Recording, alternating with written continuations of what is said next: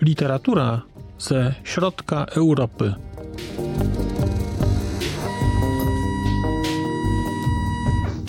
Podcast około książkowy. Dzień dobry. Witam Państwa w kolejnym odcinku podcastu Znak Litera Człowiek. Przed mikrofonem Marcin Piotrowski. Spotykamy się dzisiaj przy okazji rozmowy o książce Bianki Belowej y, pod tytułem Jezioro. Książce głośnej, książce nagradzanej, książce, która w 2017 roku została wybrana jako książka roku i dostała, to, to było w ramach tej nagrody literackiej czeskiej Magnezja Litera. Polski przekład autorstwa Anny Radwan-Żbikowskiej ukazał się już rok później, w 2018 roku, i wydała tę książkę Wrocławska Afera. I ja przyznam, że tę książkę miałem dosyć dawno. Ona u mnie leżała na półce, kurzyła się. Kupiła ją jakiś czas temu moja małżonka, a ja tę książkę cały czas jej lekturę odkładałem, bo uznawałem, że jakoś, nie wiem, no nie teraz. Ja powiem szczerze, nawet nie wiedziałem o czym ona jest, ale jezioro, naprawdę, czy nie ma ważniejszych tematów w Czechach i okolicach niż jakieś jezioro? I do lektury skłonił mnie, skłoniła mnie rozmowa, której miałem okazję posłuchać. To jest rozmowa w takim podcaście, fantastycznym podcaście, który bardzo Państwu polecam. Podcast się nazywa Czeskie knichy, które musicie znać. To jest podcast po czesku, e, który prowadzi Tomasz Pancisz. Zachęcam, mimo to, że on jest po czesku, zachęcam Państwa do słuchania tego podcastu, do próby posłuchania, dlatego że mam wrażenie, że ta bariera językowa nie jest aż tak duża, jak mogłoby się wydawać. I przy odrobinie dobrej woli i uważności będziecie Państwo w stanie słuchać tego podcastu, a jest to podcast świetny. Ten podcast to są opowieści, jak mówi tytuł, o książkach czeskich, które powinno się znać. I tam są książki bardzo różne, bo tam są książki, które są książkami taką klasyką klasyk, y, chociażby Babiczka Bożeny Nemcowej, czyli taka książka bardzo, bardzo stara, więc są książki i z XIX wieku, ale mnóstwo jest z XX i z XXI. I to są rozmowy o książkach z naukowcami, z osobami, które zawodowo zajmują się literaturą, z krytykami, ale także z autorami. I bardzo niedawno miałem okazję słuchać rozmowy właśnie z Bianką Belową na temat jeziora.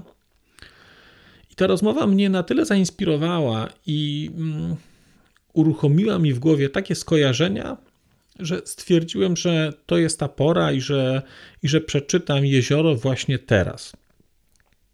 Cóż tam Bianka Belowa o tej książce mówiła? No, Zachęcam Państwa do próby posłuchania. Link do podcastu i do tego odcinka znajdziecie Państwo w opisie.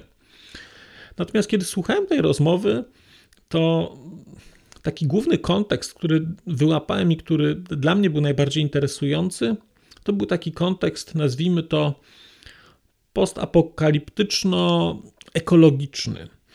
Taki dowiedziałem się właściwie, że jest to książka opowiadająca historię, która dzieje się wokół Morza Aralskiego. I to mnie, czy właściwie jeziora Aralskiego. I to mnie, to mi w głowie przywróciło pamięć o takim teledysku, mm, o takim wideo, które, e, które do, do piosenki Louder Than Words e, Pink Floydów e, z płyty Endless River. I to jest takie wideo, które ma u mnie dosyć szczególne miejsce w, w, pamięci, dlatego że to jest wideo, które opowiada i trochę o historii zespołu. Cały zresztą e, tekst jest e, mocno związany z historią e, Pink Floyd, który jest dla mnie istotnym zespołem.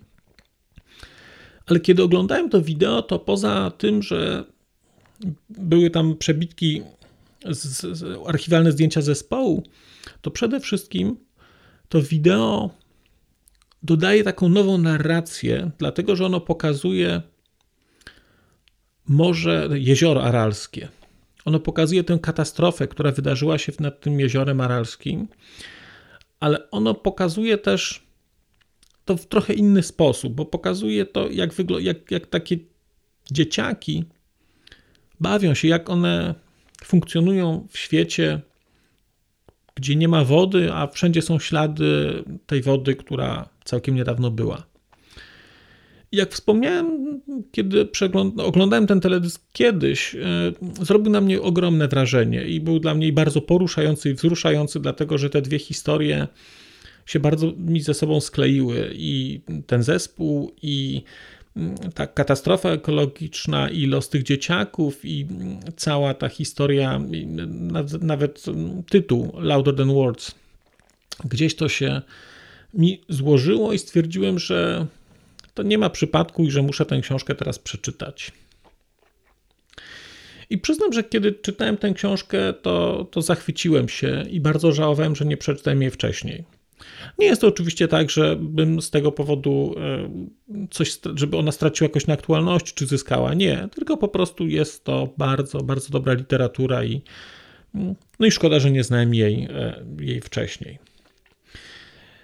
Kiedy czyta, brałem tę książkę do ręki, zaczynałem ją czytać, to miałem nadzieję, znaczy miałem nadzieję, oczekiwania moje związane były z poczytaniem jakiejś historii o, nazwijmy to, ekologii, czy o katastrofie ekologicznej, mm, o takiej katastrofie klimatycznej, tak, takie tematy. Natomiast w rozmowie z Bianką Belową tam pojawiały się takie wątki, że mm, całość ma taki wydźwięk też jest związany, mimo że dzieje się, nie jest określone to miejsce, gdzie się dzieje, to bardzo jasno można je sobie umiejscowić i jest to, jest to Kazachstan, czy tam te tereny republik radzieckich czy postradzieckich.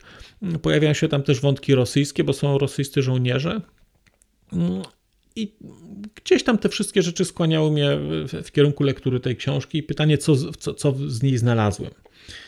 Więc spodziewałem się wątków katastroficznych, spodziewałem się takiego wątku postapokaliptycznego, którego nie ukrywam, ja niespecjalnie nie lubię takie, takie wątki. Wydaje mi się, że rzeczywistość jest wystarczająco apokaliptyczna, żebym nie musiał szukać mm, zombiaków mm, i jakichś katastrof atomowych. Mm. Natomiast co znalazłem? Przede wszystkim znalazłem w tej książce fantastyczny obraz, nazwijmy to takiej niby Rosji. Bo to, co my tam, to, to, to z czym się spotykamy, to miejsce, bardzo jednoznacznie można połączyć z Rosją i, czy, czy z republikami jakimiś e, radzieckimi, postradzieckimi. I ta historia, która w tej książce jest opisana, ona się rozciąga na, na, na kilkadziesiąt lat, bo w sumie cała historia tego chłopaka, Namiego, który, który, którego losy poznajemy, nie jest bardzo długa, nie jest bardzo rozciągnięta w czasie.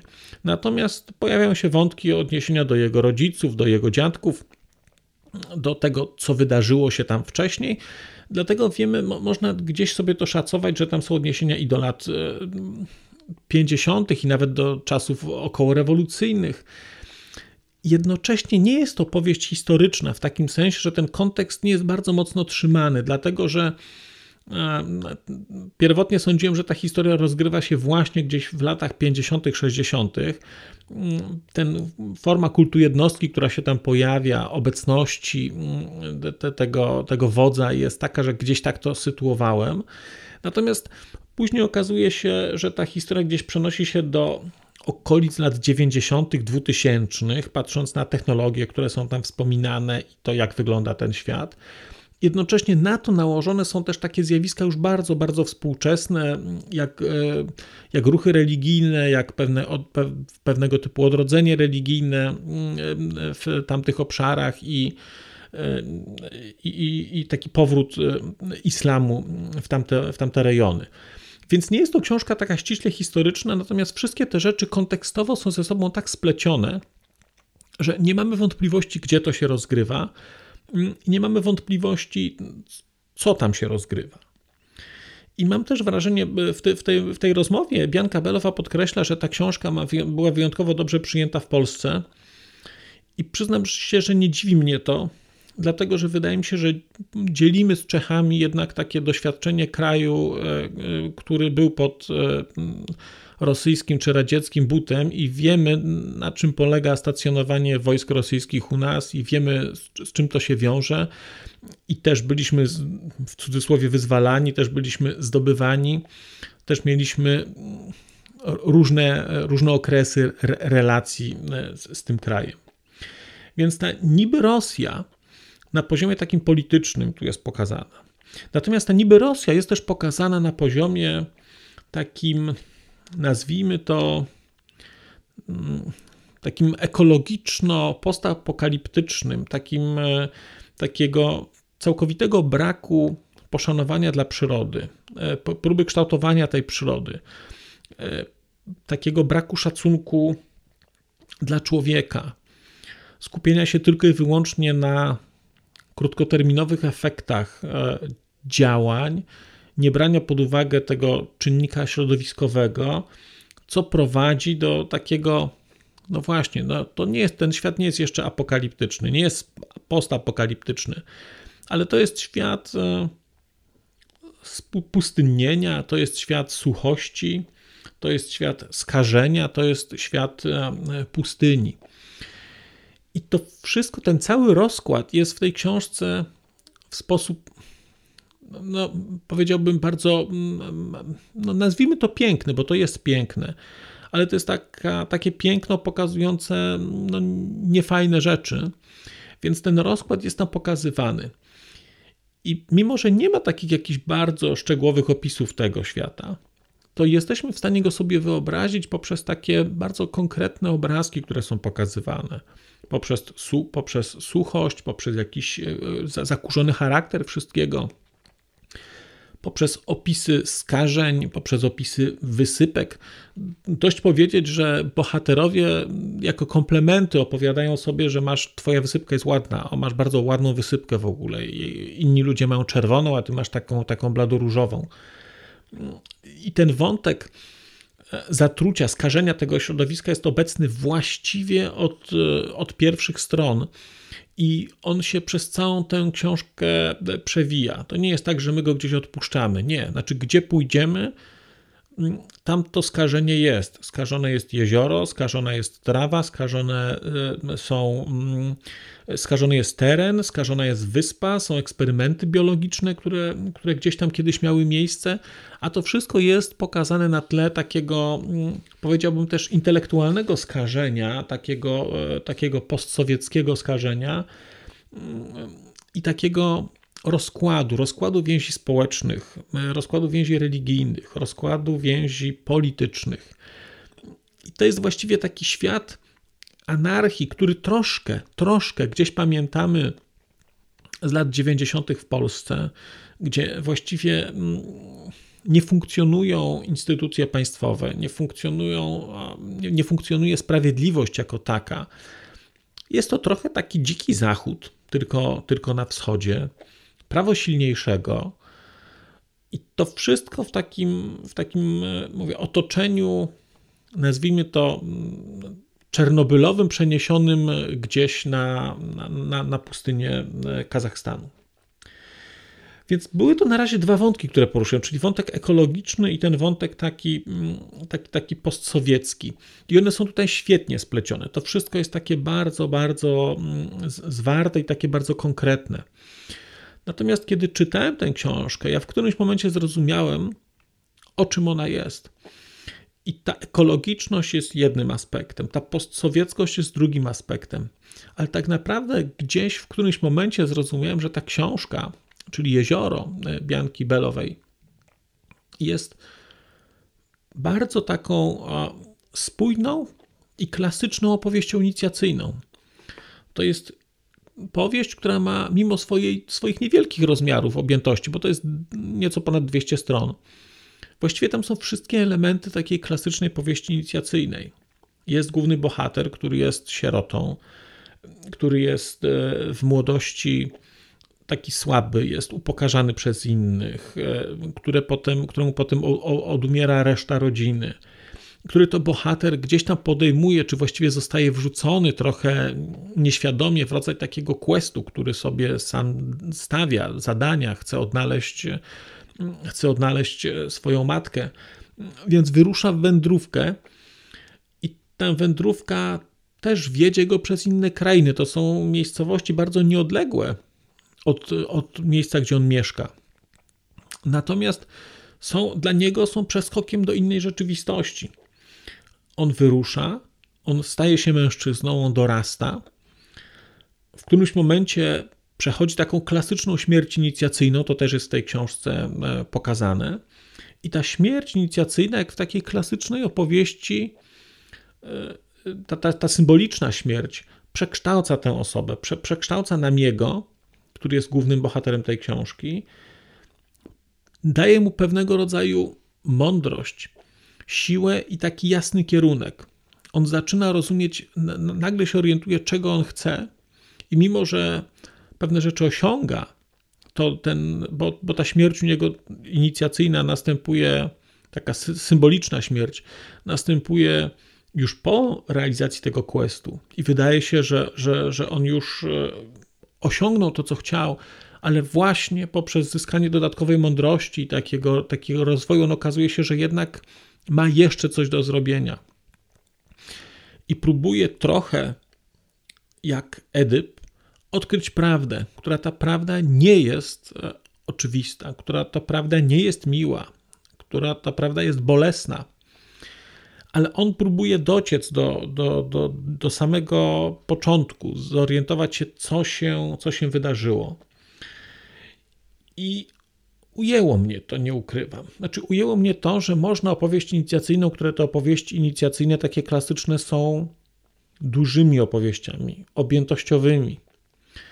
No, wspomnijmy chociażby z literatury współczesnej Harry'ego Pottera, wspomnijmy Władcę Pierścieni. To są duże rzeczy. Tutaj mamy to wszystko zawarte, wszystko pięknie zawarte na 200 stronach. Fanta, fantastyczna rzecz. Mm, jednocześnie ta opowieść inicjacyjna nie jest taką opowieścią całkowicie domkniętą, dlatego że zakończenie, które w tej książce jest, jest zakończeniem, jest rodzajem zakończenia otwartego. Ta książka się kończy w taki sposób, że no, trzeba sobie samemu odpowiedzieć, co działo się później, czy było w ogóle jakieś później. Bardzo, bardzo wyjątkowa, bardzo, bardzo wyjątkowa książka która jest, ma takie wszelkie cechy wielkiej literatury, dlatego że można na nią patrzeć na bardzo wiele sposobów. I te wszystkie sposoby to nie jest tak, że da, da się je któryś z nich wyłączyć. One wszystkie splatają się w taką bardzo, bardzo spójną i przejmującą opowieść. Opowieść, która, której stajemy się częścią, dlatego że i ten kontekst kulturowy, i ten kontekst e, teraz polityczny rosyjski, i ten kontekst katastrofy klimatycznej. To wszystko razem tworzy takie, powiedziałbym, połączenie idealne. To jest, e, to jest 200 stron, które zabiera nas do jakiegoś świata, opowiada pewną historię, robi to w sposób bardzo poruszający i robi to w taki sposób, który mam wrażenie gdzieś takie klasyczne wątki inicjacyjne przenosi w czasy nam współczesne, ale nie takie mm, bardzo współczesne, ale takie, które jesteśmy w stanie sobie z tą, z tą współczesnością linkować i zadawać sobie pytania o naszą rolę w świecie, naszą relację ze światem, o nasze wybory i jednocześnie pozwala nam uświadomić sobie, jak bardzo powinniśmy być wdzięczni losowi czy opatrzności, za to, że żyjemy w miejscu, w którym żyjemy i w czasie, w którym żyjemy, y, że nie musimy podejmować takich wyborów, y, nie musimy być stawiani wobec takich wyborów, jakich tutaj wstawiany jest y, nami, czy ci wszyscy ludzie, którzy wokół niego funkcjonują. Bardzo Państwu tę książkę polecam. To jest taka bardzo dyskretna proza. Mm, ta książka nie epatuje różnymi rzeczami. Ona jest mądra, pokazuje, pokazuje w taki sposób dojrzewania, pokazuje inicjację i jednocześnie mówię, stawia, stawia wiele pytań, na które Państwo jako czytelnicy będziecie sobie musieli sami opowiedzieć. Bianka Belowa, Jezioro, książka z roku 2017. Bardzo, bardzo Państwu polecam. A jednocześnie zachęcam też i do obejrzenia teledysku y, y, Pink Floyd y, do piosenki Louder Than Words. Znajdą go Państwo link do niego w opisie odcinka oraz do posłuchania podcastu Czeskie Knihy, które musicie znać, bo jest to podcast wyjątkowy i wydaje mi się, że efekty jego, mojego słuchania tego podcastu będą Państwo prędzej czy później na tym e, moim podcaście też e, gdzieś będą, dlatego że jest dla mnie ten podcast bardzo inspirujący i mam z niego już bardzo konkretną kolejkę książek do przeczytania, e, niestety częściowo po czesku. Bardzo Państwu dziękuję za uwagę, dziękuję za to, że wytrwaliście Państwo ze mną do końca. I cóż, powiem na koniec. Do usłyszenia za dni kilka. Przez mikrofon mówił do Państwa Marcin Piotrowski. I to tyle na dzisiaj. A już zupełnie na koniec powiem, że skoro wysłuchaliście Państwo tego odcinka, to w jego opisie znajdziecie link do serwisu YouTube. W wersji YouTube'owej e, jest miejsce na skomentowanie go. To jest takie miejsce, gdzie można komentować ten odcinek, rozmawiać, zadawać pytania, wymieniać się spostrzeżeniami, do czego Państwa bardzo zachęcam, gdyż udało się już na tym YouTubie zgromadzić trochę bardzo ciekawych osób, bardzo ciekawych komentarzy i trochę stworzyć taką społeczność ludzi rozmawiających o książkach. Też na koniec, zupełnie na koniec, e, poproszę Państwa o wystawienie oceny mi w ramach e, tych platform podcastowych, na których Państwo tego odcinka wysłuchaliście. I nieważne jaka ta ocena będzie, istotne dla mnie po prostu, że będzie. Tymczasem się żegnam już naprawdę i do usłyszenia za czas jakiś.